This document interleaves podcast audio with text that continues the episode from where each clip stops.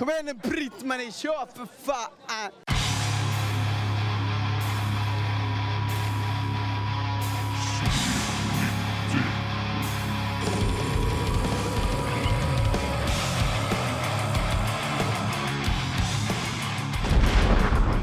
Det 58 avsnittet av Zenity-podden spelas in i huset i Huddinge i Stockholm. Huset är en stor och anrik ungdomsgård med bland annat replokaler och inte minst en ganska rymlig scen. Vid tiden för den här inspelningen återstår det bara några timmar innan denna scen ska intas av fem svenska dödsmetallband av olika slag. Katakomba, Overthrown, Wretched Fate, Bleeding Utopia och Disrated. Alla spelade på den första upplagan av Stockholm Magnitude som skapats av de båda 20-åringarna Nisse Jansson och Anton Bryvall. Precis. Jajamän, Det stämmer. stämmer. Yes. Anton, får vi höra din röst? Vi vet vem som är vem. Det är jag som låter så här. Och Nisse, Jag låter så här. perfekt. Då har vi klargjort det till att börja med. Då. Eh, hur, hur är läget här? Det är bara några timmar kvar tills det drar igång här i huset i Huddinge, Stockholm Magnitude. Jo då, för egen del så är det lite stressigt faktiskt. Men det mesta håller på att falla på plats, tycker jag. Uh, fjärde bandet soundcheckar av fem. Så vi ska få igång lite intervjuer och sådär. Men jag tycker, jag tycker det går bra. Ja. Känns bra. Vi ska inte dra ut för länge på tiden här. Alltså, att vi, så att Det jag, var inte så jag menade. Det, det är bara det att... Uh, uh, måste hinna med allt innan vi... vi mitt band kör ju först, Katakomba. ja, Så precis. man vill ju hinna med och käka och lite sådär. Vi ska vara effektiva. Precis. Eh, Kan ni berätta bara vad det är Stockholm Magnitude? Ska vi, ska vi ta hur vi kom på det? Vi kanske har olika syn på det. Ja, vill du börja? Ska vi jämföra? Alltså jag, jag tar det så här eh, kronologiskt. Så tror jag det var att jag snackade någonting med dig om att göra en Kickstarter-kampanj eller någonting om en ny venue. Kommer du Ja, ihåg det? jag minns att du har sagt det, men Precis. Ja. Och jag tror det utvecklades till att vi ville ha en så här, klubb en gång i månaden. ja, just Och det. sen sket sig det. Och då sa vi bara, "Ja, men vi kollar med huset och kör på. Ja, Och sen eh, har det bara blivit så att vi, vi har det här giget, sen får vi se vad nästa steg blir. ja liksom. Jag tycker det vore sjukt kul att arrangera ett eller två gig om året som är lite större Ja, än att köra klubb en gång i månaden. Ja, det kommer det. så här halvmycket folk. Liksom. ja.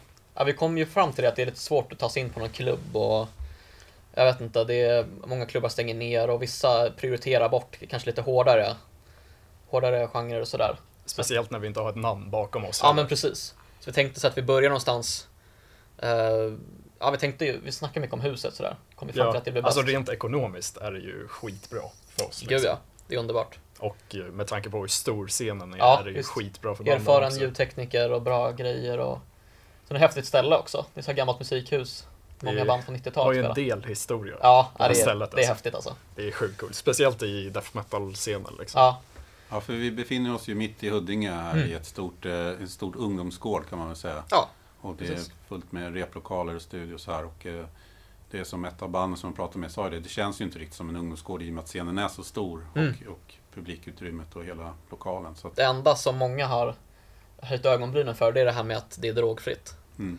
Eh, Men eh, jag vet inte. Jag Vi, vi jag får se vart vi kör nästa gång. Det Ja. kanske inte blir huset, men det, det var nog tvunget, som jag sa tidigare, att rent ekonomiskt var det här liksom det bästa för oss. För men ska man hyra klubben eller någon, något ställe som har liknande Ja, eh, vad ska man säga, storlek på scenen så kommer det ju kosta en jävla massa pengar. Mm. ja, men precis. Och sen har vi ingen tidigare erfarenhet riktigt med att arrangera och sådär. Precis. Det här är första för, det är för din del också va? Ja, Vi är bokat åt respektive band men, ja precis. men inte arrangerat sådär. Nej, inte det praktiska. Nej men precis, precis. vad, vad kan man säga är mest jobb med en sån här grej? Eller Den är nog upp till dig. Alltså, du har väl gjort det mesta av arbetet? Ja.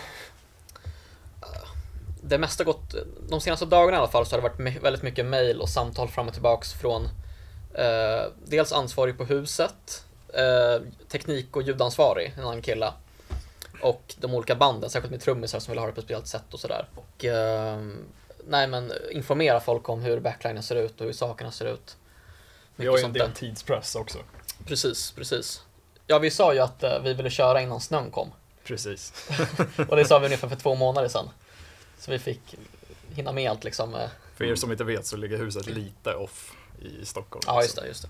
Mm. Ja, alltså det är väl det. Mycket mejlkontakt, mycket samtal. Eh, jag har ju nästan lagt upp grejer på sociala medier varje dag. Så eh, ganska tidigt så gjorde jag en lista på grejer som jag ville lägga ut fram tills konsertdatumet. Men eh, så så det, det är nog det andra som har tagit mest tid. Ni sätter ju ribban ganska högt också med fem band på ert första arrangemang. Så Ja. det blir ju, Det är svårt att välja. ja. Ja, ja visst. Men det, det här är ju precis sånt här som behövs i Stockholm och Mm. även i Sverige. Det, det, hör man ju direkt när man pratar med band. Att Mm. det, det finns ju för lite av den här typen av arrangemang och spel, tillfällen att spela helt enkelt. Så att Mm. ni, gör ju, ni gör ju hela scenen en god gärning. Liksom. Alltså det är väl det som har varit målet från början, är ju det underground-perspektivet. Att Ja, försöka precis. få, alltså i alla fall för mig, jag, jag tycker det är roligare för småband att spela på en liten scen en gång, eller en stor scen menar jag, en gång var tredje månad än att spela pub-gig en gång i Ja. veckan. Liksom. Och på något sätt göra en liten happening av det att liksom, det här är en speciell dag som här bara händer en gång på det här året. Precis. Blir det ju. Eh, och så ser man grymma banden då som har potential. Vi har valt banden själva, tycker det är sjukt bra band alltså. Så det blir riktigt kul. Jag kan tänka mig att det är många som kommer som tänker lite samma sak, att man är svältfödd efter att se små band, särskilt samlade. För annars kanske man går till någon pub och ser något bra band och sen inget mer. Nu är det ändå samlat, koncentrerat. Jag, jag tycker det blir ganska mäktigt sådär när det... Och det börjar tidigt också. Ja, Och det är inte på en vardag. ja Mm. precis. Nej, det är lördag idag och Ja. eh, då, första bandet går på klockan sex. Och, och sen, Klockan sju. Klockan sju. Mm. Ja, och sen eh, håller det på fram till midnatt tills jag Ja, eller kl- klockan 11 i alla fall. elva. Ja. Det är väl, det är väl planerat att ska hålla på till Ja. 11, men sen får vi väl se. Det lär ju bli några fuck-ups när vi byter av band. Ja, visst. Det räknar jag med. Yes. Jag vill påstå att de flesta av de här banden är väldigt erfarna och väldigt duktiga. Professionella. Men det är väl också bara genom att, att göra det som man kan lära sig så att säga. Mm. Den här typen av arrangörsroll. Eller. Ja, precis. Alltså, vi måste ju börja någonstans, för vi, Ja. vi lär ju vilja fortsätta Mm. och arrangera sådana här grejer. Och då måste vi ju eh, kolla på liksom hur, hur den här kvällen går. Mm. Sen hur vi tar nästa steg. Liksom. Mm. Ja, och särskilt om vi ska presentera vårt upplägg för en annan klubb eller en annan eh, eh, lokal. Då vill vi ändå ha lite resultat och Det är ju bra att ha något på ja, CV. precis, liksom. underlag sådär. Istället för att bara, hej, vi kan boka band. Men ja, Men Så de har redan en bandbokare Ja, och precis, de kommer precis. inte förstå Mm. ja. Vad de skulle tjäna på det. Mm. Liksom. Och sen så tycker jag också så här, jag kan föreställa mig om man kommer ut typ i sommar, kanske spelar någon festival eller så. Då blir dagarna väldigt långa och väldigt mycket väntan och kanske några intervjuer. Jag spelar ju, jag spelar ju i band också, så jag tänker att det här är bra erfarenhet för egen del också. Så här att eh, hela det här upplägget, att man soundcheckar och... För så många gig har inte mitt band gjort än. Nej, men när man ser det när det är typ klassiska ställen, alltså ställen där det är bar och som man tar typ som Harris och, och Mm. sånt där. Då är det, där är man ju kanske inte intresserad av att ha liksom extrem metall utan då tar man Nej. någonting som eh, mer är som bakgrundsmusik för folk som vill umgås Ja. socialt. Så, Ja. så att det krävs ju verkligen att man den här typen av, av arrangemang. Liksom. Så att det är Mm. bara hoppas att fler eh, vågar som ni. Mm. Så att det är ju även band i andra, det behöver inte vara extremmetall, det kan vara liksom rock. Eh, har ju också svårt i Stockholm Mm. att hitta ställen de vill ut och spela men det, det finns inte. Ja, alltså jag tror det kokar ner till att det, det är inte värt ekonomiskt att hyra ut ställen och arrangera spelningar på. Mm. Helt enkelt. För jag, menar, jag, jag, vet inte, jag kommer inte ihåg hur mycket det kostar att hyra klubben, men det, det ligger ju på över 15 000 Ja, vi kollade kväll, på det i alla liksom. fall. Och det är ju utan bemanning. Ja, just det. Det är Alltså inga vakter eller sådär. Nej, jag tror inte det. Ingen tekniker, nej. Nej, men jag tror också att det handlar mycket om att eh, varför vet jag inte, men att många väljer att stanna hemma. Alltså just att det finns inget riktigt inci- incitament för folk att gå ut längre. Eller i alla fall inte samma utsträckning. Nej, men det är, det är väl som du sa tidigare, att vi vill göra det till en happening. Och det är Ja, det att folk är väl trötta på att se pubgig. Ja, jag Alltså, tror det. det, alltså det, det är ju inte svinkul Ja. många gånger. Nej, absolut inte. Och, och jag tänker att det här är ändå lite utanför Stockholm många kanske tänker att det är långt, men om jag tänker utifrån mig själv så är jag lätt åkt hit, liksom för att, även fast det är långt, för det är ändå det är så här, ja men det händer ju någonting. Det är ju fem band som ändå lirar som inte är så här jättestora. Det är Ja, ju det är häftigt på det sättet att här, här händer det just nu. Liksom. Nisse, kan du berätta lite om din bakgrund? Min bakgrund uh, är väl halvlång. Eh, Nej, så här. eh, jag spelade i ett band, blev kickad och ville fortsätta med musik men inte som eh, musiker. Och då eh, flyttade jag till England och började plugga music business, ett diplom, eller en bachelor degree, jag vet inte vad det heter på svenska. Ja. Och då hade vi i första året hade vi som uppgift så här, ja men ni måste managera ett band under ett antal månader och sen skriva ner liksom era resultat, vad ni har gjort för bandet. Och jag tyckte att det var så jävla kul. så jag är ju eh, bandmanager åt eh, The Overthrow som, eh, som spelar ikväll. Eh, och sen så blev jag ju så jävla trött på att, som vi, som vi har sagt hur många gånger som helst, att det finns ju inga ställen att spela på Mm. som är liksom, eller stora scener så Ja. att säga. Speciellt under det här halvåret när det inte är några festivaler igång eller någonting. Och då Mm. tänkte jag så här, ja men vad fan, hur, hur får jag folk att se Overthrow? Mm. Och då är det ju bara, ja men jag arrangerar det Ja. själv liksom och försöker Ja, få hur mycket folk som helst att komma. Tänk utanför ramarna. Precis. Mm. Så det blir lite mer entreprenörskap av istället för att boka ett gig någonstans så, som säkert tar längre tid innan man får resultat liksom. Så är det ju mycket lättare att bara göra det själv. Ja, Och sen blir det ju en, eh, en side hustle också Mm. förhoppningsvis om vi går Ja, plus just någon gång. ja, ja, vi får se. Så du utgår från England nu? Alltså, är Ja, din alltså- bas eller? Ja, alltså jag, jag har ju ett annat perspektiv tror jag på hur den svenska liksom, underground-scenen fungerar. För jag menar, jag, jag bor i en stad som heter Brighton, söder om eh, London, där det bor kanske 200 000 invånare. Och de har ju fler venues där än vad det finns i hela Stockholms Mm. län säkert. Mm. Så, och de tycker ju också det är skit att det läggs ner Mm. venues höger och vänster, men alltså, de har ju inte sett någonting Nej. jämfört med vad Stockholm har. Där dyker väl upp någonting ändå Ja. emellanåt. Alltså ny, Ja, nya så det, ställen. ja, precis. Och de bygger om och bygger ut Ja, och allt sånt där. det är Eh, klart. Och sen fungerar ju England rent ekonomiskt på ett helt annat sätt. Det är mycket Mm. lättare att sälja alkohol. Så där får man ju också en selling point för, folk, för Ja, att folk ska komma dit. Liksom. Ja, det är klart. Och sen är det mycket billigare inträde. Mm.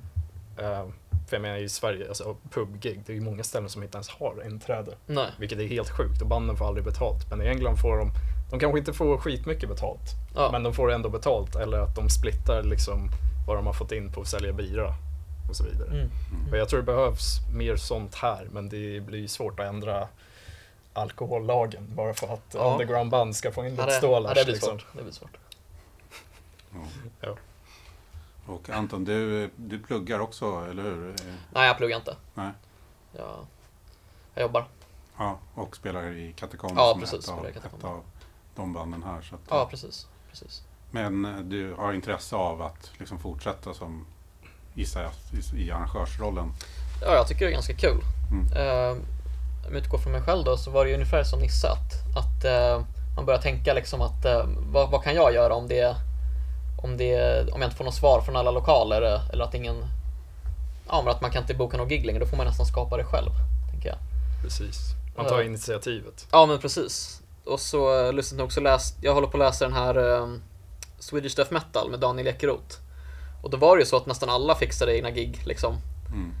Eh, folk gjorde saker själva hela tiden och tänkte jag lite sådär do it yourself på något sätt att eh, ja, om, om jag vill, jag tänkte så här, det skulle vara jättenice om det fanns något ställe som, som samlade alla undergroundband under en kväll. Då tänkte jag, ja men då får väl jag göra det eftersom att det inte finns än.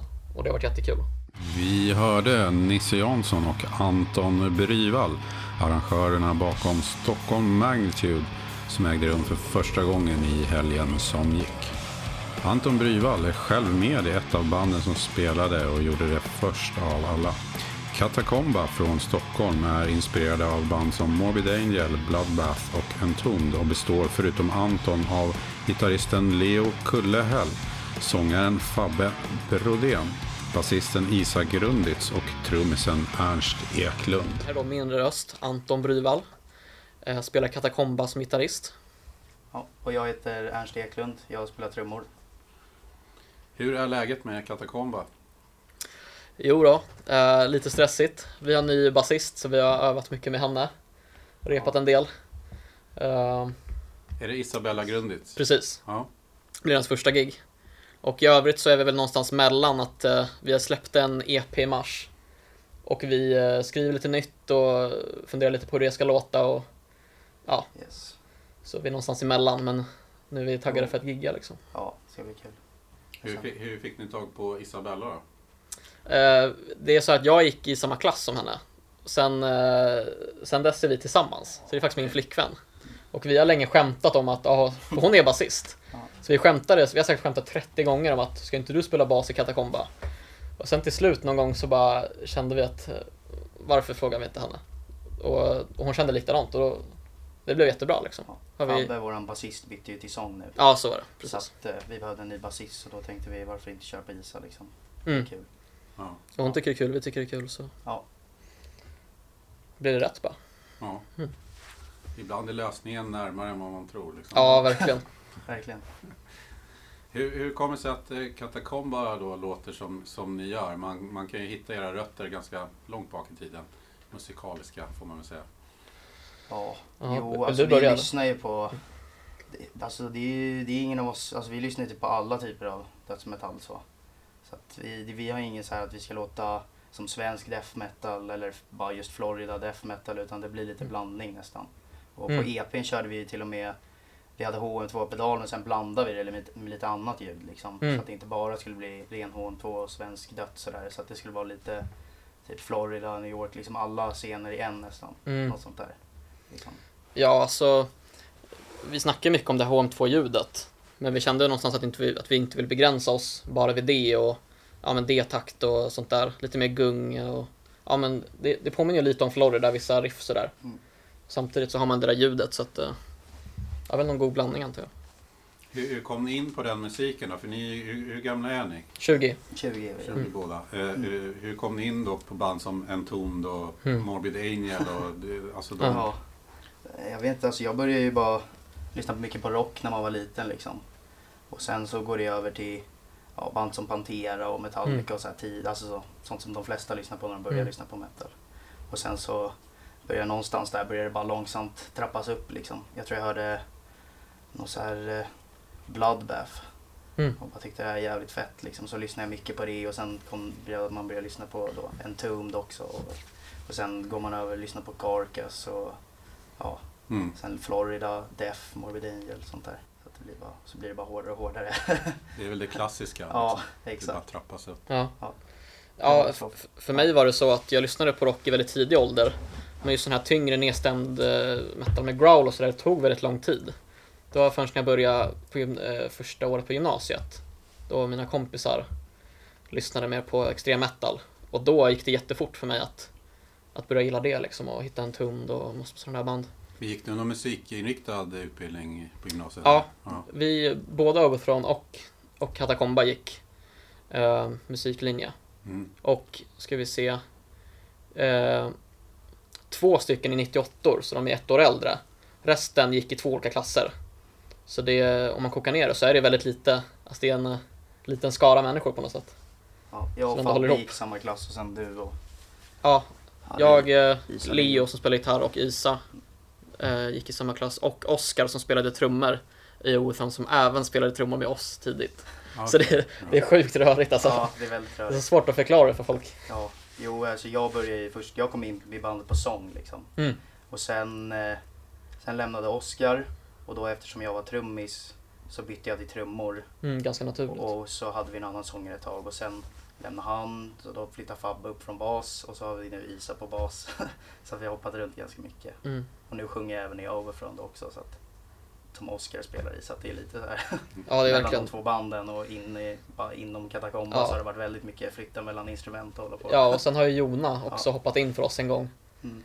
Så att eh, jag, jag kan fatta att eh, man skulle nästan behöva någon sån här familjeträd för att se liksom hur, Ja, vart alla spelar och, ja. och ja, sådär. Men så där blir det ju ofta i, i musikerkretsar. Ja, Liksom.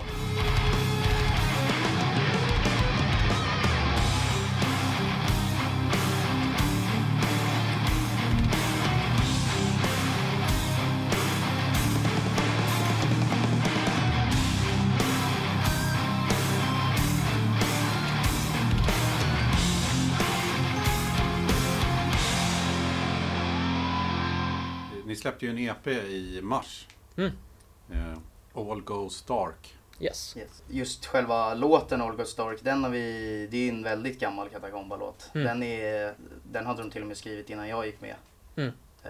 Och, ehm, och ja, det var väl egentligen den enda gamla låten vi hade kvar. Sen efter Fabbe gick med på bas också så började vi hitta vårt sound till den EPn och verkligen skriva Mm. resten av låtarna också då. Eh, ja, Destroyer och de här lite så här. Så vi, vi kände liksom att det blev eh, just på EPn, vi har liksom två låtar som är lite tunggung sådär. All Goes Dark Mm. och eh, Destroyer och sen två låtar som var lite snabbare. Bliss for Rot och Kanske eh, lite mer tekniska Rotten också. liksom. Lite mer tekniska så blev det lite blandning där. Så vi körde på det bara.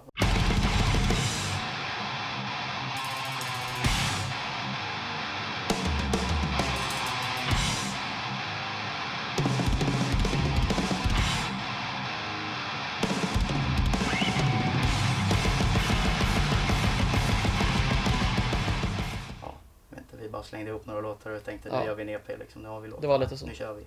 Men känner ni att ni har hittat liksom soundet? Ja, inte riktigt tror jag. Nej, jag tror vi tyckte det då. Mm. Men nu snackar vi mycket i andra termer liksom än vad vi Mm. gjorde då. Så jag, jag tycker inte riktigt vi har hittat vårt sound. Nej, samma här. Eh, på ja, den här plattan vi snackar om då som vi ska börja spela in snart. Den tror jag kommer låta ganska annorlunda. Mm. Det kommer nog bli mer, eh, mer åt tunggung-hållet och, och så här, lite mer HM2. ja, vi tänkte Ja. skriva ihop den lite Ja, den här gången. yes. Ja. Men det känns ändå som att det är ganska så ambitiösa arrangemang och sånt där för att vara liksom en debut-EP. Har ni jobbat mycket med, med den biten? Ja, så vi är alla, eftersom vi gick samma musikgymnasium allihopa så har vi, jag och Fabian, vi har spelat hur mycket som helst liksom Mm. tillsammans. Ja, i andra projekt ja. lite, ja. Ja. Så att vi är ganska naturlig kemi så. Anton och Leo har ju också lirat tillsammans hur mycket som helst Ja, gud, också. Så att eh, alla var ganska samspelta liksom. Mm. från- Ja. Ja, och eh, Ja. vi har väl ingen direkt formula för att skriva sådär. Det var mycket sådär i replokalen att nu måste vi skriva och sen så kom någon på ett riff och så lät det bra och sen så la man till ett till riff. Mm. Ibland lite sådär att det är kanske för många riff i soppan men men ändå, ja, jag vet inte, det, det var ganska naturligt. Det var inte sådär att man fick trycka ut sig en låt på något sätt. Nej. Det kan ju bli som en EP också, att man vill ha in mycket på ganska Ja. liten plats. Liksom. Hur jobbar ni fram nya låtar nu då, till om ni ska släppa ett helt album? Vi har, eh, vi har ändrat processen lite. För eh, under EPn då satt vi i replokalen och skrev liksom. Mm. Oftast båda gitarristerna då. Och så sitter jag på trummor kanske och bara ja, kollar lite komp så länge bara för att, så att de ska få något att ja, kunna tänka på lite så här. Mm. Eh, men sen nu har vi börjat byta så att vi faktiskt är i Fabbes hemmastudio. Så att vi spelar in, vi kom på ett riff så spelar vi in det. Och så lägger vi några demotrummor på det bara och så har vi liksom en demo på direkten sådär. Ja, Ja, Och så kan man lyssna på det om och igen och tänka så här, var det här bra eller var det inte bra? Vad ska vi ändra liksom? Och så. ja, Ja. jag har lite mer demotänk. Mm. Eh, Det är mycket lättare också på något sätt. Men ni jobbar rätt mycket ihop liksom? Jobbar fram låtarna tillsammans? Ja, Mm. kanske inte allihop samtidigt hela tiden. Men. Men det är, vi har inte en som skriver alla, allting. Liksom. Nej, det är aldrig alla, alla hjälps åt. Sådär. Ja. Mm. Ja, vi har ju tjatat rätt mycket Anton det här om att det är svårt att få spelningar och sånt Mm. där. Men nu, nu fixar ju ni också egna Ja. EP-gig som idag. Men eh, det är ju uppenbart att det, det är inte lätt i Stockholm och inte i övriga Mm. landet heller så där, att, att komma ut och spela alltså, jag tror att det finns, det finns väldigt många ambitiösa och duktiga personer i scenen. Allt, allt från ljudtekniker och arrangörer och sådär. Men det är väl, jag vet inte riktigt, det är mycket snack om att eh, klubbar får klagomål från grannar och sådär. Så jag vet inte om det behövs någon ändring där på någon politisk väg. Men annars så... eh, Jag vet inte, jag tror att det kan vara... Man tror att allt är på väg neråt, men det kan vara så att man är i någon slags paradigmskift just nu, att någonting ändras. Så att jag vet inte, om ett halvår kanske... Jag kan inte exakt säga vad, men det kanske dyker upp någon ny klubb eller så börjar folk inse att man måste gå på spelningar. Ehm, jag tror att det är bara liksom en... Eh, det är en del i en förändring på något sätt. Jag tror inte att det bara kommer gå nerför härifrån. Att det, det kommer... Vissa incitament krävs ju, men jag tror att det ändå kommer bli bättre om ett år eller sådär.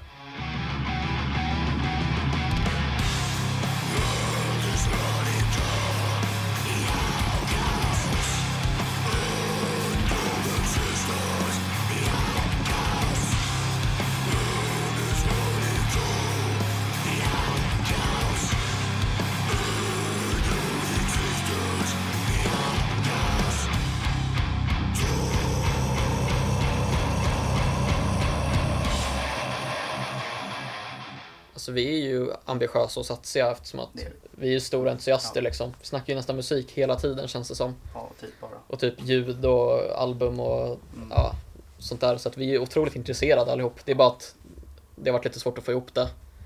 Att alla inte kan ses eller att någon lämnar och sådär. Ja. Men jag tror ändå, jag vill ändå säga för egen del så är jag väldigt ambitiös och liksom driven. Men ibland är det Ja. tufft såklart.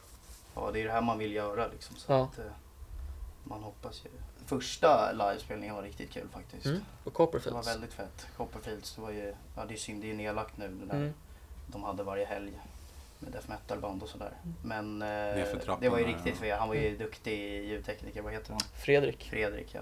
Han var tung och Hej Fredrik. bra sound på scenen. Tjena!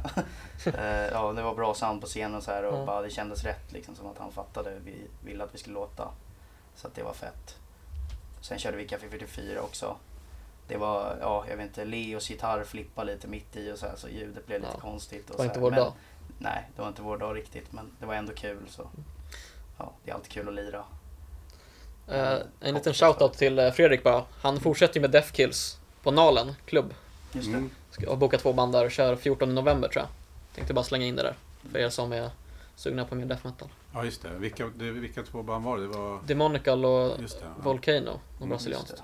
Ja, det är ju bara ett par timmar innan ni ska upp Ja, och, och spela. Hur, hur är känslan inför det? ja, vi soundcheckade ju nyss. Ja, Precis innan det här. det, men det kändes bra alltså. Ja. Bra sound alltså tycker jag verkligen. Det låter fett alltså. Ja, Det kommer bli, kommer bli sjukt nice. ja det skulle bli, Hoppas att folk dyker upp. Ja. ja, det skulle bli sjukt kul faktiskt. Eh, Eftersom att jag är med och arrangerar så tänker jag kanske lite mer på annat. Men jag ska fokusera nu den närmsta tiden bara på att spela liksom. Och jag tyckte soundchecken lät sjukt bra. Uh, våran för, eh, förra sångare ska faktiskt komma upp och, och sjunga en låt med oss. Ja, Så det, och han var ju på soundchecken så det ska bli svinkul. Så jag är, jag är riktigt peppad. Det kommer bli kul. Jag imponerar dig med tanke på hur mycket du måste ha i huvudet just nu. Du är arrangör för en gala med fem band och så ska du själv upp och spela. Ja. Men du ser ganska lugn ut. Ja. Uh, när jag sa det faktiskt till min flickvän när hon frågade mig hur jag, hur jag mår så att det är jävligt bra eftersom att nu får jag beta av alla saker jag tänkte på igår. Mm. Så eh, nu känns det ju bra att man får, man får ta sig igenom allt. Ja. Samtidigt som man försöker njuta av det. Av någonting som man har planerat i flera veckor. Så det är en, det är en uh, hårfin eh, balans typ. Ja. Men ja, det är klart, det ska bli svinkul. Det ska det.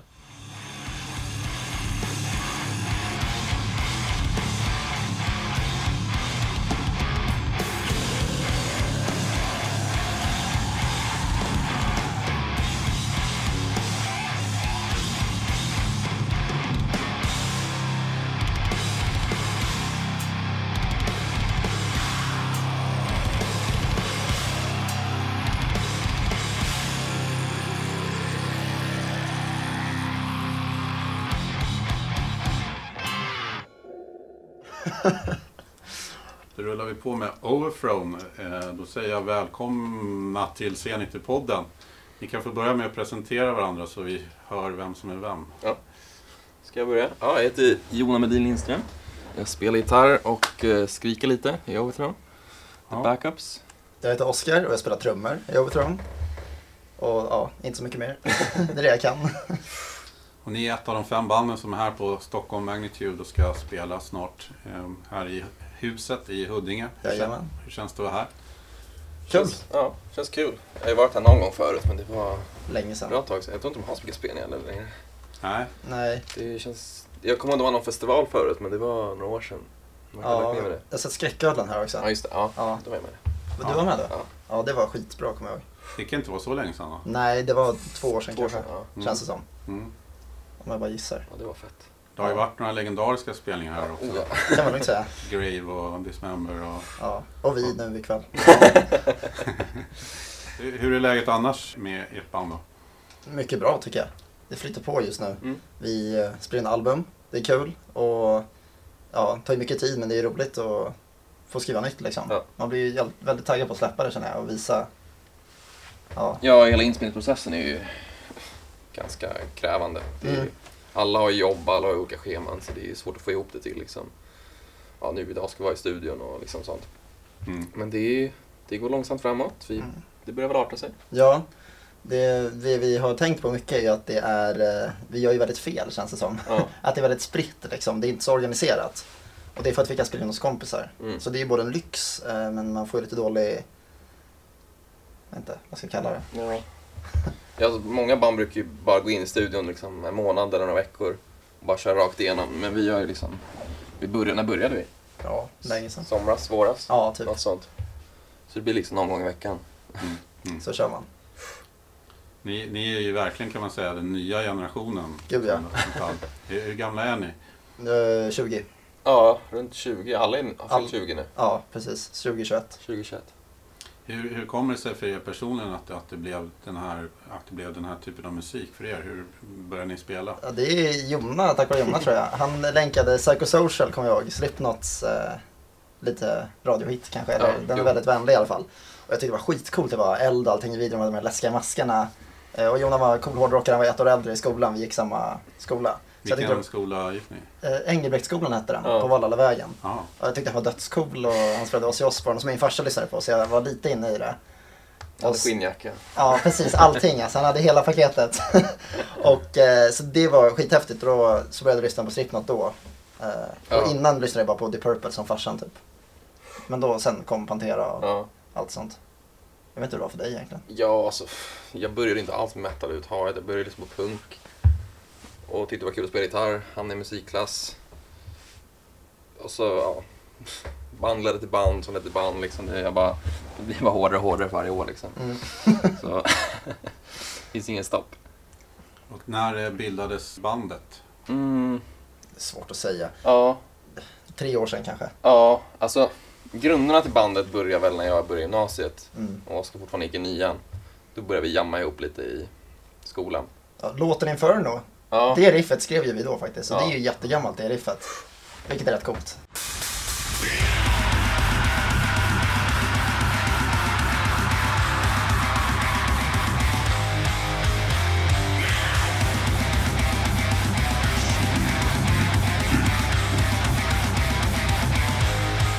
sen tog det två, tre år innan den kom ut liksom. Men... Ja, det är en annan femma. Och sen kom William in i, var det tvåan? Var Ja. det ett, lite Nej, ettan. Ettan, var ettan. När ni gick ettan Mm. och det är tre år sedan. Mm. Fyra år sedan. Ja. Ja. Och sen blev det inte ett fullt band förrän förra året. Mm. Då fick vi fem pers. Hur har det funkat med skivbolag och sådär? Nej, inte så bra. Nej. Inte än. Det, det vi känner är att det har gått förvånansvärt bra utan skivbolag. Mm. Vilket känns kul. eh, Att man har gjort det själv i princip. Det är ju vi liksom. Mm. Som har stått bakom allting. Och det känns skitkul. Men eh, ja, Det är lite jobbigt med finansiering och sånt. Mm. Speciellt nu med nya plattan. Det är ju, kommer bli mer, mycket mer jobb än vad vi var med EPn. mm, Spela in musikvideor och få det masterat och mixat. Det är, det är inte billigt. Mm. mm, Och vi alla har ju andra sysslor och sånt också. Så Mm. Så om det är någon skivbolag som lyssnar så kan de gärna höra av sig. Jättegärna. För ni har ju ändå fått bra uppmärksamhet med tanke Oh, på att ja. ni inte har något bolag i ryggen. Ja, det är verkligen. Förvånansvärt bra. Ja, vi är chockade. Vad vi trodde om EPn från början? Vad var det du sa? Ja, alltså det känns som vi sa mycket. Men vi några, vad hoppades vi? Inom ett år Mm. hade vi någon, vad, Var det 10 000? ja 10 000 10 000 precis. Nu har vi runt 300 000 tror jag. Så det känns ju grymt kul. Och så har vi fått lite, ja men dels eh, feedback från kompisar, det kanske man inte kan lita på riktigt, men också från lite så internetforum där vi har lagt upp den och folk liksom, ja, tycker det verkligen är bra. Och det känns sjukt för att man, jag kommer ihåg alltså, innan vi hade släppt någonting, det var när man visade morsan liksom, hon lyssnade inte ens på det. Bara, Åh vad bra det är, vad duktig det är. Och man bara, åh. så köper man inte. Eller, ja. Men sen så när liksom helt random personer, de är anonyma bakom internet, de skulle kunna skriva att man suger liksom och och spelar aldrig någonsin trummor igen. Och så skriver de att det är bra. Och det känns så sjukt kul. Alltså, ja, jag kommer ihåg när vi la upp eh, Inferno var den första vi släppte. Och vi la upp den på ett forum. Och vi satt uppe, det var sent på natten för vi skulle matcha amerikansk tid och folk, det bara regnade in kommentarer. Bara, "Åh, vad duktiga ni är, gud ni måste släppa mer, när kommer nästa låt? Det var helt otroligt. Det är ju Ja, svår känsla att beskriva att liksom, nå ut med sin musik och få positiv kritik om det. ja, det är andra folk på andra sidan världen sitter och lyssnar på vår musik. Det är helt, Ja. helt bisarrt egentligen. ja, Man tänker tillbaka när man först plockade upp en gitarr liksom. Bara, ja. Kul att spela E-ackord liksom. ja, jag kommer ihåg att vi spelade Mr Crowley jättemycket, Ja. det gör jag hela tiden. Ja, vad man har kommit nu liksom. Uh, grym låt för övrigt. Men också det som är kul med Spotify är att man kan ladda ner en Spotify-app om man har släppt musik. kan man se jättemycket statistik. Mm. Och det är superintressant. Typ, ja, vi har 34 lyssnare från Förenade Arabemiratet i år. Och det är ju aldrig någonting man har tänkt på. Det, liksom, eh, ja, ja, men det är verkligen över hela världen använder folk, kan folk lyssna på musik nu för tiden. Och som du sa, inget skivbolag, vi har bara släppt det. Och ändå kan vem som helst i princip lyssna på det. Det är Det är coolt. stort alltså. Ja, det är Ja, coolt. Hur, hur hamnade ni här då på den här Stockholm Magnitude-galan? Vi känner arrangören väldigt bra. Ja, Jag gick i samma klass som honom. Anton, Jag, eh. ja, precis. Anton. Och jag spelade i samma, i samma, jag spelade i Katakomba med honom förut. Mm. Så vi känner varandra jättebra. Mm. Så så, då var vi, det... vi, vi har blivit lite indragna. Vi är ju egentligen lite off-genre i- idag känns det som. Mm. Okej, ja. För det är ju, det har ju lanserat som en death metal-gala men vi är ju knappt dödsmetall. Vi är ju någon sorts, vi vet inte ens själva vad vi kallar oss. Om någonting som har med death metal att göra så är det ju melodiskt death metal. Exakt. Mm. Men det är ju inte som bröt vannar ner liksom. Nej, Nej. Fate och Katakomba, de är ju... de är hårda på riktigt. Ja. Ni har ju mycket eh, thrash också i, Ja. i Ja, verkligen. Och eh, sen tycker jag ni är modiga för att ni, ofta så unga band brukar ju vara ganska så noga med att hålla sig inom ramar och sådär för att man vill gärna inte göra någonting fel. Liksom. Exakt. Men ni, liksom, man kan göra melodiska hårdrocksgitarrer Mm. och liksom... Ja, vi har hittat något sorts mellanting tycker jag. Ja, Något coolt. ja det, är, det är svårt för det är både bra och dåligt. För dels så är man ju öppen åt alla. Oavsett vilken genre eh, de lyssnarna har som de älskar. För själva så är man ju, då har man en fot inne för att man spelar många olika. Samtidigt är det dock svårt att tilltala en viss publik och man vet inte riktigt. Ja, är det death metal eh, folk som gillar oss mest eller är det folk som lyssnar på även Sevenfold kanske som gillar oss mer? Det är jättesvårt att veta så det har ju både för och nackdelar. Mm. Ja, men det är ju det här klassiska med att det ska sättas, sättas etiketter. Exakt. Och det är ju på ett sätt ganska larvigt för vi... Ja, Man spelar bara sin musik. Ja, vi spelar ju vår musik liksom.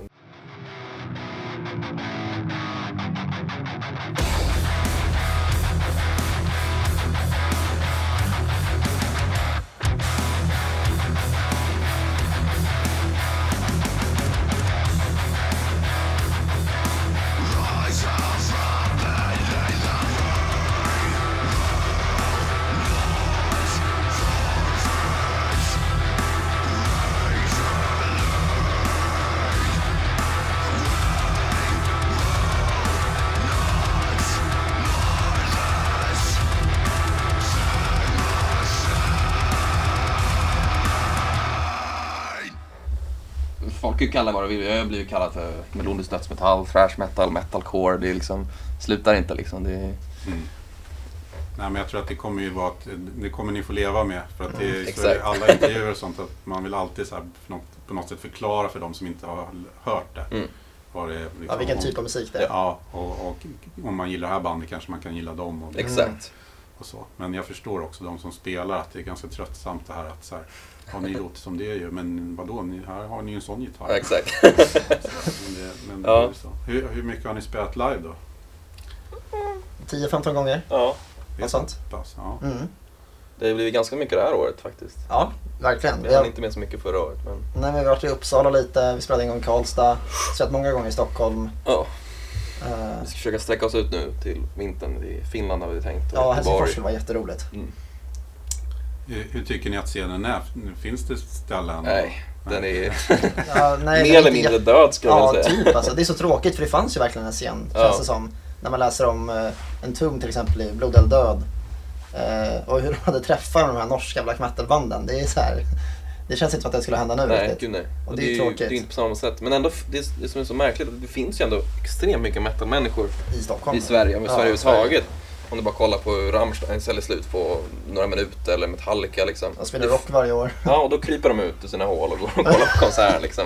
Men det finns ju ingen som samlas och kollar på mindre spelningar, så är det ju. Nej, det är Det är ju väldigt, väldigt få. ja, just underground och även den här mellannivån. Mm. Som band som ändå är ganska etablerade har ju svårt att Exakt. Det märker man tycker jag bara på de senaste åren. Man ser att stora band går mer ut aktivt, kanske i sociala medier Mm. och boka oss. Liksom. Exakt. Mm. För att det är ont. Det, det är tråkigt. Ja, Jag alltså. undrar varför det är så. Mm. Jag fattar inte vad det beror på. ja och det Konserter är ändå inte att, tråkigare nu än vad det Ja, var förut. det sägs ju ändå att metal ska vara den snabbast växande genren också. Så det är ja, Ja, det är underligt. svårt att säga. Mm. Det vill säga en förändring. Hoppas. Ja, har, har, ni, har ni någon eh, ambition eller någon plan så här med bandet? Eller kör ni bara på för att det är kul? Eller? Nej, vi har verkligen en ambition. Ja, det har vi. Vi, Vi vill ju verkligen jobba med det här. ja, Men det är också, det vi har sagt är, vi vill ju såklart att så många människor som möjligt ska lyssna på oss och gilla oss. Eh, men vi kommer ju köra vår grej och det enda liksom, som i alla fall jag och jag tror att ni andra delar, det är bara att man ska kunna leva på det. Man ska inte behöva hålla på något annat. Sen om man vill, vill det för det är kul, det är en annan femma. Men man, man ska kunna leva på det och då måste man ju slita liksom och ta sig till en viss nivå. Mm. Men vi vill ju väldigt gärna dit. Och det kommer ta ett tag. Ja, Alltså det är mycket möjligheter inom metal. Liksom man ska träffa rätt människor och vara på rätt plats vid rätt tillfälle. mm. Det är enkelt när man har kontakter och så. Men Mm. Men det hör ju ändå ihop. Om man jobbar hårt då, då kommer man ju förmodligen ha större chans att vara på rätt plats vid rätt tillfälle och träffa rätt människor. Liksom. exakt. Ja, man kan inte bara sitta och vänta på att någonting ska hända. Nej. det gör det ju väldigt sällan. Ja, men lite typ som Anton här, att man ordnar en egen. Mm. Liksom, Mm. eh, Det var jättebra initiativ. Ja, det var ett väldigt bra initiativ. Ja. Det är ju fett kul liksom. För, också, vi kan sitta här och gnälla att det inte finns någon scen längre. Men eh, någonstans så måste ju någon skapa scenen. Mm. Liksom. För som du sa, det finns väldigt mycket människor som gillar metal i Sverige och i Stockholm. Det bor ändå mer än en miljon människor här. Det måste finnas nog människor som gillar metal som Ja. helhet. Att de ska kunna gå ut på gig och kunna dricka bärs eller träffas och kolla på band. För det är fan kul ändå. Ja.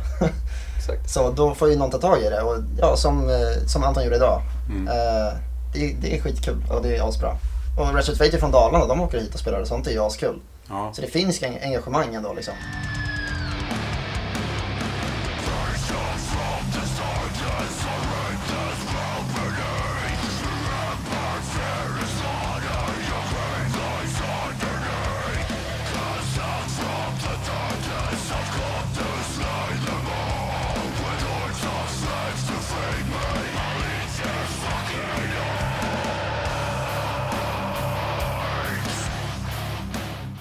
Kan ju rekommendera då singeln, den senaste släppet, Lifeless Awoken. Och sen får vi invänta då ett, ett Ja. album. Det kommer. Det kommer. Ser vi fram emot. Ja, Ja. det ska bli skitkul. Ja. Det är, vi har mycket på gång. Tack så mycket. Tack, själv. Wretched Fate grundades 2016 som en hyllning till den svenska dödsmetallens guldera och var från början ett tvåmannaprojekt med gitarristen Mats Andersson och sångaren Adrian Selmani. Numera har de sällskap i bandet av Robin Magnusson på bas och Samuel Karlström på trummor. Februari i år släpptes albumdebuten Flesh Letting. Yes, eh, jag är Adrian Selmani. Jag kör vocals i Richard Fate. Yes, jag heter Robin Magnusson. Eh, Jag lirar bas och kör eh, backup vocals. Gör jag. Hur är läget med Wretched Fate? Det är bra. Det är riktigt bra faktiskt. Det rullar på, händer grejer. Så att, eh, många bollar, men eh, det, det är bra. Känns bra att kliva upp på scenen igen. Ja, ni är ju ett av de fem banden som är här och ska spela Stockholm Magnitude mitt i, i Huddinge, strax utanför Stockholm. Eh, Vad tycker ni om att vara här? Känns fantastiskt. Jävligt kul med eldsjälar som drar igång sådana här evenemang. Ja men faktiskt. Eh, ja, sjukt bra initiativ faktiskt. Mm. Eh, det tycker jag. Bra band. Oh ja. Riktigt bra band. Ja, Faktiskt. vi har pratat om det, att det behövs ju verkligen sådana här arrangemang. Ja. Mm. Framförallt nu när, när branschen ser ut som det gör med, med klubbar som stänger ner liksom hela tiden. Eh, kollar man bara, alltså, bara i Stockholm och ser vad som håller på att hända nu liksom, där det är massvis med klubbar som lägger ner och, och, och så. Så att jag tycker att det, är- det är bra med, ja, men med engagerade människor som liksom orkar göra sådana här grejer liksom. Eh, Men eh, bor ni i... Nej, ni är lite utspridda nu va? Ja, det kan man säga. Det är Ja. Eh, vad blir det? Uppsala, Stockholm, Örebro, Falun, Mora. Så att Yes, det är lite det. spridning. Så är det. Vi har ju Adrian i Örebro, eh, jag bor i Stockholm, eh, i Bromma. Eh, Samuel, vår trummis, bor i Uppsala. Mats, vår gitarrist, bor i Falun. Sen har vi en live-gitarrist med oss eh, nu också som bor i Mora. Mm, Utan, utanför Orsa då, bredvid Orsa. Så. ja, just det. Mm. Och jag hörde att Mats eh, någon gång eh, benämnde sig själv som eh, Wretched Fates Steve Harris. Ja, absolut. Det, det, det, det kan man säga. Eh, I alla fall när det kommer till, om vi säger att Mats är ju mastermindet bakom allt. Det var ju så det egentligen började. Mats, när det gäller musiken och sånt där så är det ju väldigt mycket Mats som, som styr och för min del känns det bara skönt. Uh, för att vi alla tänker ändå väldigt, väldigt lika i hur vi vill ha saker och hur saker ska funka, hur saker ska låta. Och, uh, vi behöver aldrig, nästan, alltså nästan aldrig komma med någonting för att Mats är liksom, alltså han är en maskin när det gäller att skriva musik. Så att det, det bara kommer saker och vi kör. Lite Ja, så. han har väl skrivit musik i snart 20 år Ja. skulle jag tippa på. Så Mm. att, eh, eh, ja, han har ju hållit sig sysselsatt sedan högstadiet. Så att, eh, han kan det han gör. Så. Exakt. Så han får en ganska naturlig roll ju som bandpappa eller vad man ska säga. Det kan man säga. Eh, det kan man säga. Och sen har vi ju, sen fördelar vi ju andra uppgifter också. Eh, Ja. men, Som man gör. Som man gör liksom. Men eh, ja, hade det inte varit för Mats så hade ju inte vi suttit här. Nej, Så att-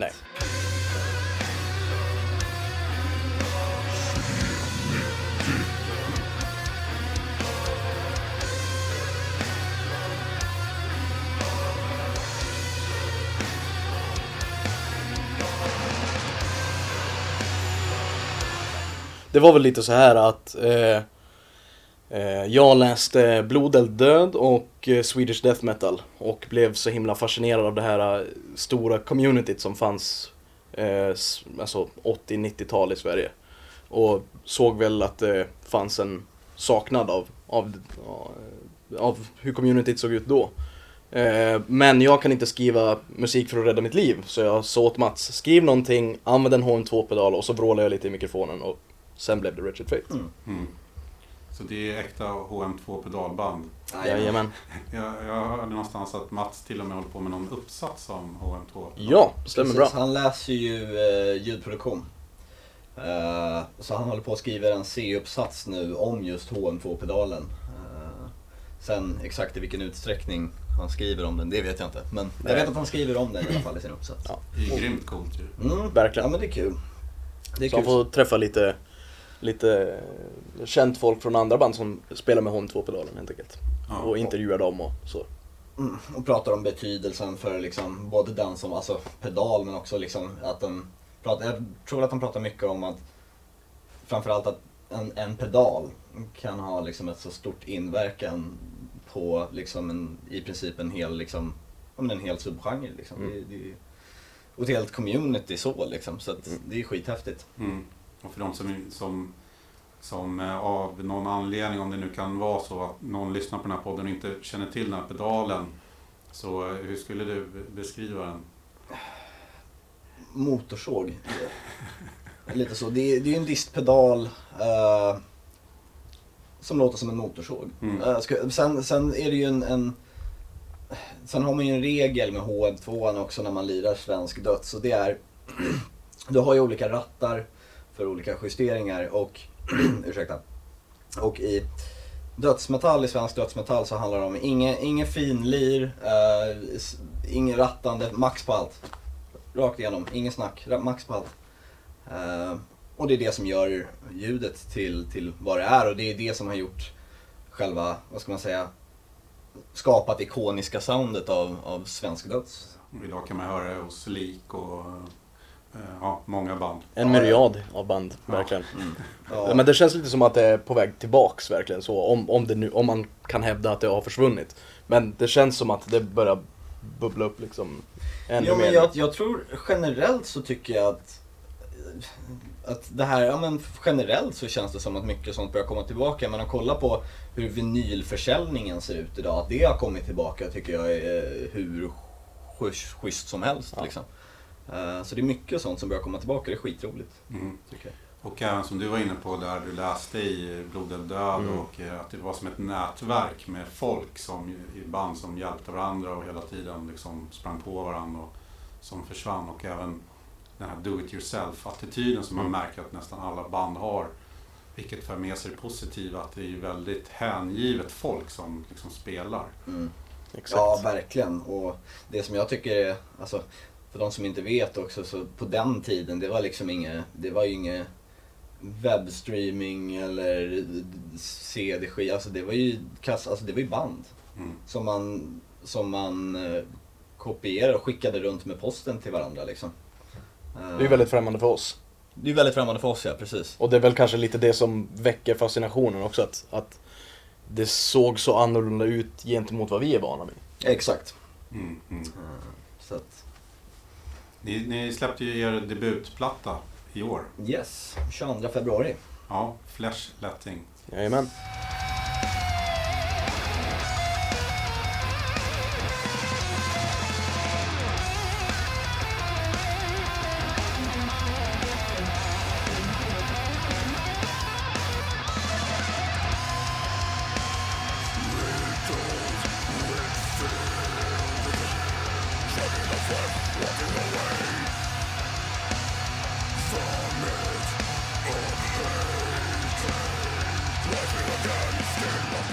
Hård dödsmetall. Hård, hård dödsmetall. Det går snabbt. Eh, Det går snabbt. Tvåtakt, blastbeats. Eh, Och en två. Ja.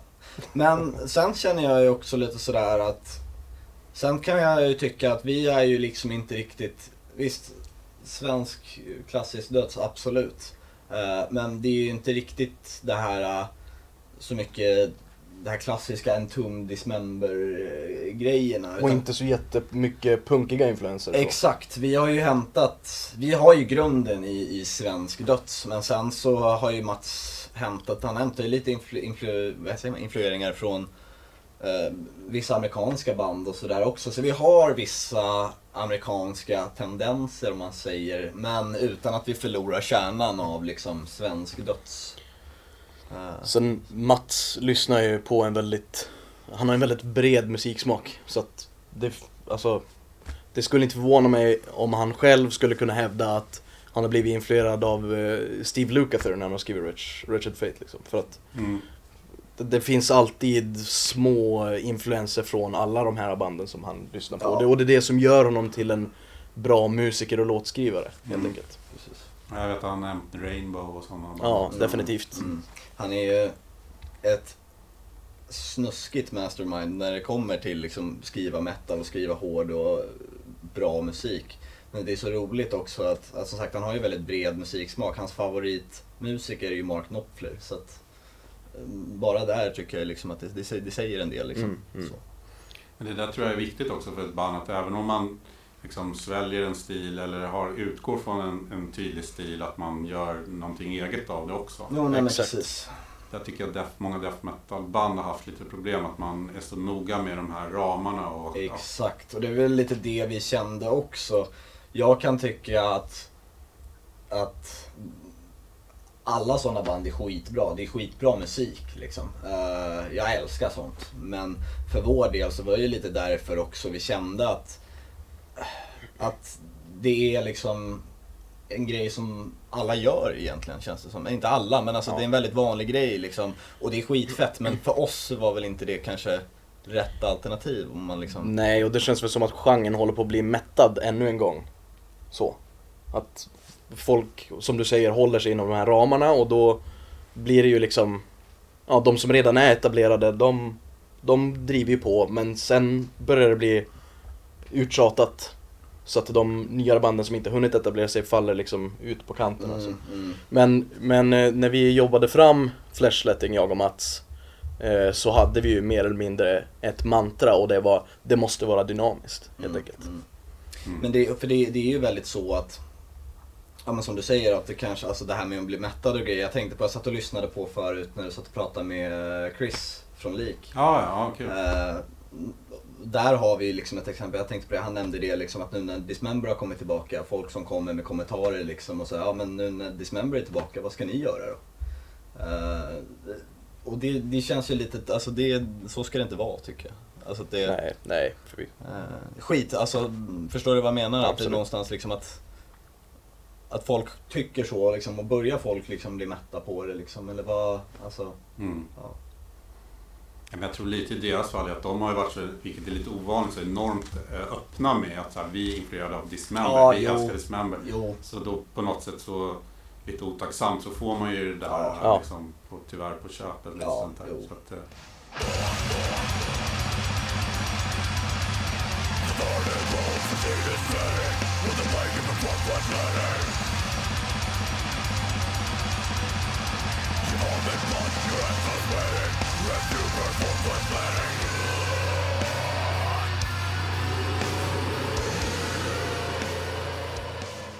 ni, ni kom ut med plattan i, i vintras, eh, men ni har hunnit med en del livespelningar också? Ja, eh, det har vi gjort. Vi lirade ju här nu senast på eh, Gamrocken här i Grängesberg. Eh, vi har haft väldigt eh, upp alltså vi har varit väldigt upptagna under sommaren så att där har det varit lite stilt så men Men eh, nu är vi ju på G igen liksom. Så. mm, precis. Så att det senaste vi hade var ju där på Gamrocken då. Grängesberg, skit, skit bra festival Ja, alltså. fantastiskt. så här, för de som inte har varit där liksom, det är ju ute i, vad är det, Ludvika? Ja, Grängesberg. Gräng, ja, Ja. jag sa ju det. Grängesberg liksom, och det är så här, mitt ute i liksom ingenstans så där. Så bara åker man upp och så bara Tja! Och så är det bara skitmycket bra, så här, Unleashed och Lik var där och Vomitory. och Vomitory och du vet så man bara vart har jag hamnat någonstans? Alltså så. Eh, så det var riktigt bra festival faktiskt. Lite dåligt väder men eh, Inte mycket gjort. nej, nej, nej, nej, nej. Nej visst, så är det Men sen är det så här, vi... Om man ska hårddra det så har ju egentligen inte Wretched Fate existerat egentligen innan plattan. Eh, för att Wretched Fate började ju med att Mats Adrian satte sig ner och började skriva, skriva döds liksom. Mm, som ett Sen två, är jag-. Mm. Ja men Mm. precis. Och eh, jag känner ju både Mats och Adrian sen tidigare. Vi bodde i samma stad, vi har lirat i lite band och sådär tidigare. Så jag var ju hemma hos dem och hängde med dem liksom. Eh, och hörde det här och bara shit det här är, det här är bra liksom. Så att jag satte mig och började planka de här grejerna på bas för att jag tyckte det var roligt. Och sen, eh, sen vart det började vi diskutera i 2017 om att så här, fan vi borde, vi borde göra ett band av det här liksom, vi borde köra. Eh, och då tog jag in eh, Samuel från, från mitt andra band Incised. Och därefter så har vi kört men vi släppte, vi jobbade ju på plattan, ja ni jobbade på plattan, vi kom ju in där när den i princip var klar. Ja, det måste ju varit eh, ungefär den här tiden förra året. Ja, och det var ju det, från början så var ju bara tanken skriva musik och släppa en platta, that's it liksom. Eh, men sen så, när plattan var klar så fick vi ju helt, blev vi helt plötsligt signade med, av uh, Redefining Darkness, amerikanskt bolag. Och eh, det var ju liksom där som man skulle säga, säga att vi föddes uh, utåt sett. Jag menar, innan vi släppte plattan, vi hade ju sen en Facebook-sida men det var ju ingenting som lades där. Vi hade ju, du vet, det var ju den här fem, 50 likes, likes liksom och, och vi gjorde ju liksom, vi fanns inte. Och sen eh, helt plötsligt så när vi signade Redefining och de började promota skivan och grejer, det var ju då det började hända grejer. Mm. Eh, så att när den släpptes i februari, det var ju liksom då som då, då, det, den resan däremellan, jag skulle säga Ja, från att vi signade i December tror jag. Ja, november, december fram till februari vi släppte plattan. Så eh, det var mycket som hände där. Mm. Eh, Det gick jäkligt fort ju. det gick väldigt Ja, fort. Eh, det gick väldigt, väldigt fort. Och eh, Thomas på Redefining Darkness har verkligen jobbat stenhårt mm, för oss. mm. Så att, Så att vi- vi, är väldigt tacksamma. Vi hade ju egentligen, jag tror att vi var bokade till Gamrocken innan plattan hade släppts tror jag. Så Ja. det var liksom vårat första officiella gig. Mm. Så då hade vi ju lite så här en deadline att nej men okej, det här blir liksom vårt första gig, då vet vi liksom, till det ska vi vara tajta liksom. Eh, så jag körde vi på, sen fick vi ett, eh, körde vi ett, ett litet testgig om man kan säga. Så vi hade ju en releasefest när vi släppte plattan. eh, som eh, vi hade privat liksom, så det var mest lite polare och, och sådana saker eh, uppe i Falun. Så det var väl första gigget om man kan säga så. Eh, och sen så körde vi ett, två eller tre, nej, en månad innan Gamrocken för att vi kände att nej, men vi värmer upp oss lite. Och, och, och går in skorna lite. Eh, Så körde vi giget där och sen var det Gamrocken. Mm. Och det är egentligen där vi är. Så. Sommaren har väl varit hektisk för allihopa på andra plan med livet. Eh, så att eh, det är nu på hösten igen som vi har börjat köra på. Vi sitter och håller på och ska boka upp oss nu inför kommande tid, våren och, och, och lite sådär. Så att det, det händer grejer liksom. Så att, så ligger vi till. Där står vi idag. Ni, ni vill ut och spela, gissar jag, Oh ja. Oh ja. så mycket som möjligt. va? Yes. Så är det. Finns det något bättre? Ja, eller hur?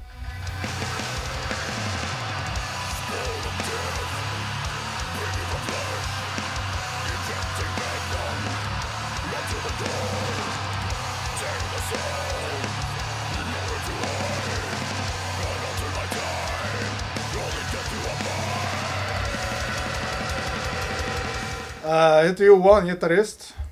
Kaman, spelar bas. Jag heter Filip och det är jag som eh, gormar. Hur känns det att vara här då? Känns bra.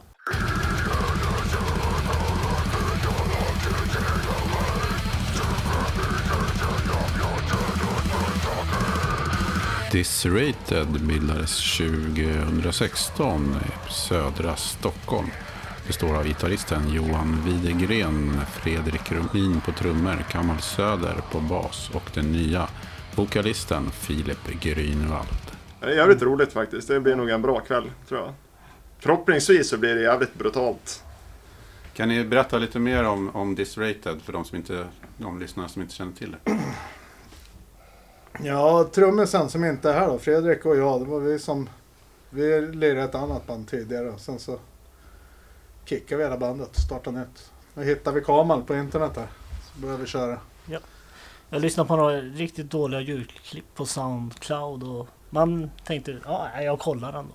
Du känner att det, det finns förbättringspotential, tänker du eller? Ja, speciellt på de ljudklippen, absolut. Eh, sen visade det sig att jag hittat fel ljudklipp. Någonting riktigt gammalt som inte ens var det jag skulle hört. Men Ja, okej. ja. ja, men alltså det var bättre än vad jag trodde i alla fall innan när jag kom på plats. Och det här var typ två- 2016 Med 16 ja. Mm. Det. Stämmer. Någon gång hösten. och sen har det rullat på ganska hyfsad fart väl för er? Ja, måste man säga. Vi har ju bytt sångare här precis. Ja, Mm. Ja, just det. Ja, jag kom ju med i bandet nu eh, rätt nyligen faktiskt. Eh, Jag var väl på en audition, var det i... Det var i juli va? Ja. Ja. Ja, juli och så tyckte de att ja, han skriker väl ganska hyggligt så då fick jag vara med på tåget. Så ja, sen dess har jag varit med och så har jag väl hunnit med lite rep och inte så många rep men eh, vi har hunnit spela lite grann så att det blir nog bra det här. Eh, vad har du gjort tidigare innan du gick med i bandet? Ja, jag, jag sjunger fortfarande i ett annat band i Göteborg då, som heter Bult. Det är lite mer konstig musik. Och sen tidigare har jag väl sjungit i några Doom-dödsband, bara studio. Och sen har jag sjungit i några band uppe i Dalarna när jag bodde där uppe. Alltså.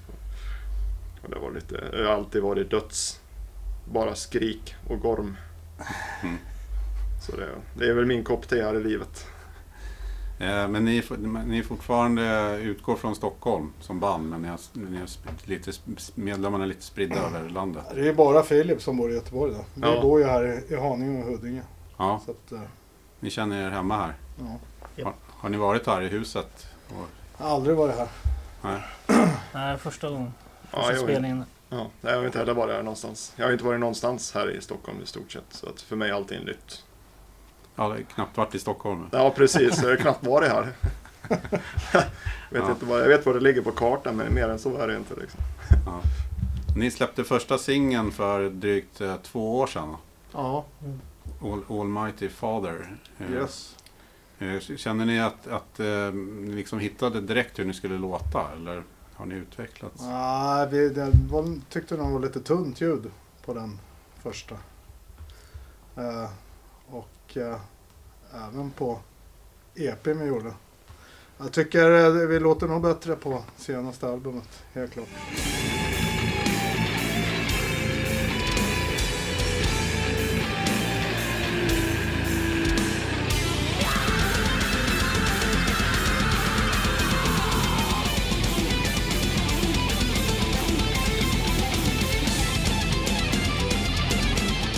Den singeln också. Den har, har vi gjort om nu så vi ska spela in den på nytt. När han är Just det. mycket Almighty bättre. Father. Den kommer komma med på nästa EP Ja. med Filip på sången. Ja, just det. Det kommer bli fett som fan. Ja, det kommer bli jävligt fett. Det är en EP då vi planerar att få ut här eh, inom ett par månader i alla fall. Sen är väl det vi satsar mest på är att faktiskt komma ut och spela då. Ja, vi, vi släppte ett fullängdare men vi har, kopplar inte ihop så många spelningar till den fullängdaren för på samma veva där så hoppar våran dåvarande sångare av. Det är först nu vi har fått eh, fart igen. Man vill ju komma ut lite längre bort ifrån. Det blir svårt att komma ut och spela för att många spelställen byter inriktningar och liksom tycker att det är för hård musik. Mycket coverband och sånt. Och sen får vi se också sen när vi, har vi planerat den här EP-släppet då. Förhoppningsvis får vi väl ut det i början av 2020 där. Med lite tur. Och så får vi väl se hur den blir mottagen då, för då har vi ju mer dagsaktuellt hur vi låter på pränt så att säga. Så då förhoppningsvis så kan ju det skörda lite frukt i den här metal-djungeln så att säga. Ja. Death metal! Ja, vi har inte ens börjat egentligen. Vi har bara planerat. Vi har Mm. väl, eh, vi har ju Pre-production på vi musiken. har väl eh, riff och arrangemang. Men har vi sång på en? Ja, Eller? Av fyra låtar. så vi håller på. Ja, jag får väl lov att arbeta lite mer med att sätta mig ner och arrangera upp lite grann och se om alla blir nöjda. Eller om de tycker att jag ska göra om allting.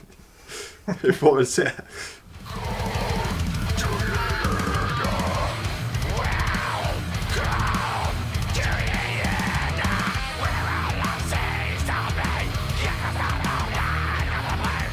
Det var Ken som eh, var sångare förut som eh, jobbade mycket med texterna.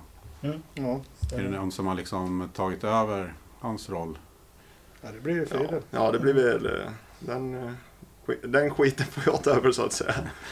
Men är det så det känns eller är det någonting som du... Eh, nej, alltså jag är väl kanske inte världens bästa textförfattare så, men vi skriver lite på... Han skriver på, har ju skrivit på ett sätt, lagt upp texterna på ett sätt och jag har väl skrivit lite mer annorlunda. Jag har en annorlunda approach till texterna. Så det kommer väl, all, hela, allting kommer bli lite annorlunda för jag tänker lite annat kring arrangemang också. Så ja, det blir intressant. Men det kommer bli roligt. Mm. Det kommer i alla fall bli jävligt hårt. Det är en sak som är säker. Ja men texterna måste väl ändå, även om man kanske inte... Hör! Ja. Ja, det måste finnas substans i det. Det måste ha någon form av röd tråd. Jag kan inte bara sitta och... Det är liksom inte dansbandstexter liksom. Som kommer ske. Mer åt det brutala hållet. Eh, Om ni kommer ut och spelar mer om man går och tittar på Disrated, vad kan man liksom förvänta sig av er i live-sammanhang? Allt vi gör på scen, det är det du hör. Vi kör inga backing tracks eller andra hjälpmedel utan vi kör bara rätt på. Vi kör på. Det kommer bli som överkörd av en ångvält. Men det ska kännas när man går därifrån i hela kroppen. Då vet man. Det är väl det som är tanken. Disrated, sist ut i Zenity-poddens Stockholm Magnitude special. Och sitter ni nu och väntar på Bleeding Utopia så får ni vänta till nästa vecka. För då kommer nästa avsnitt från Stockholm Magnitude. Tills dess, ha det så bra. Vi hörs. Thank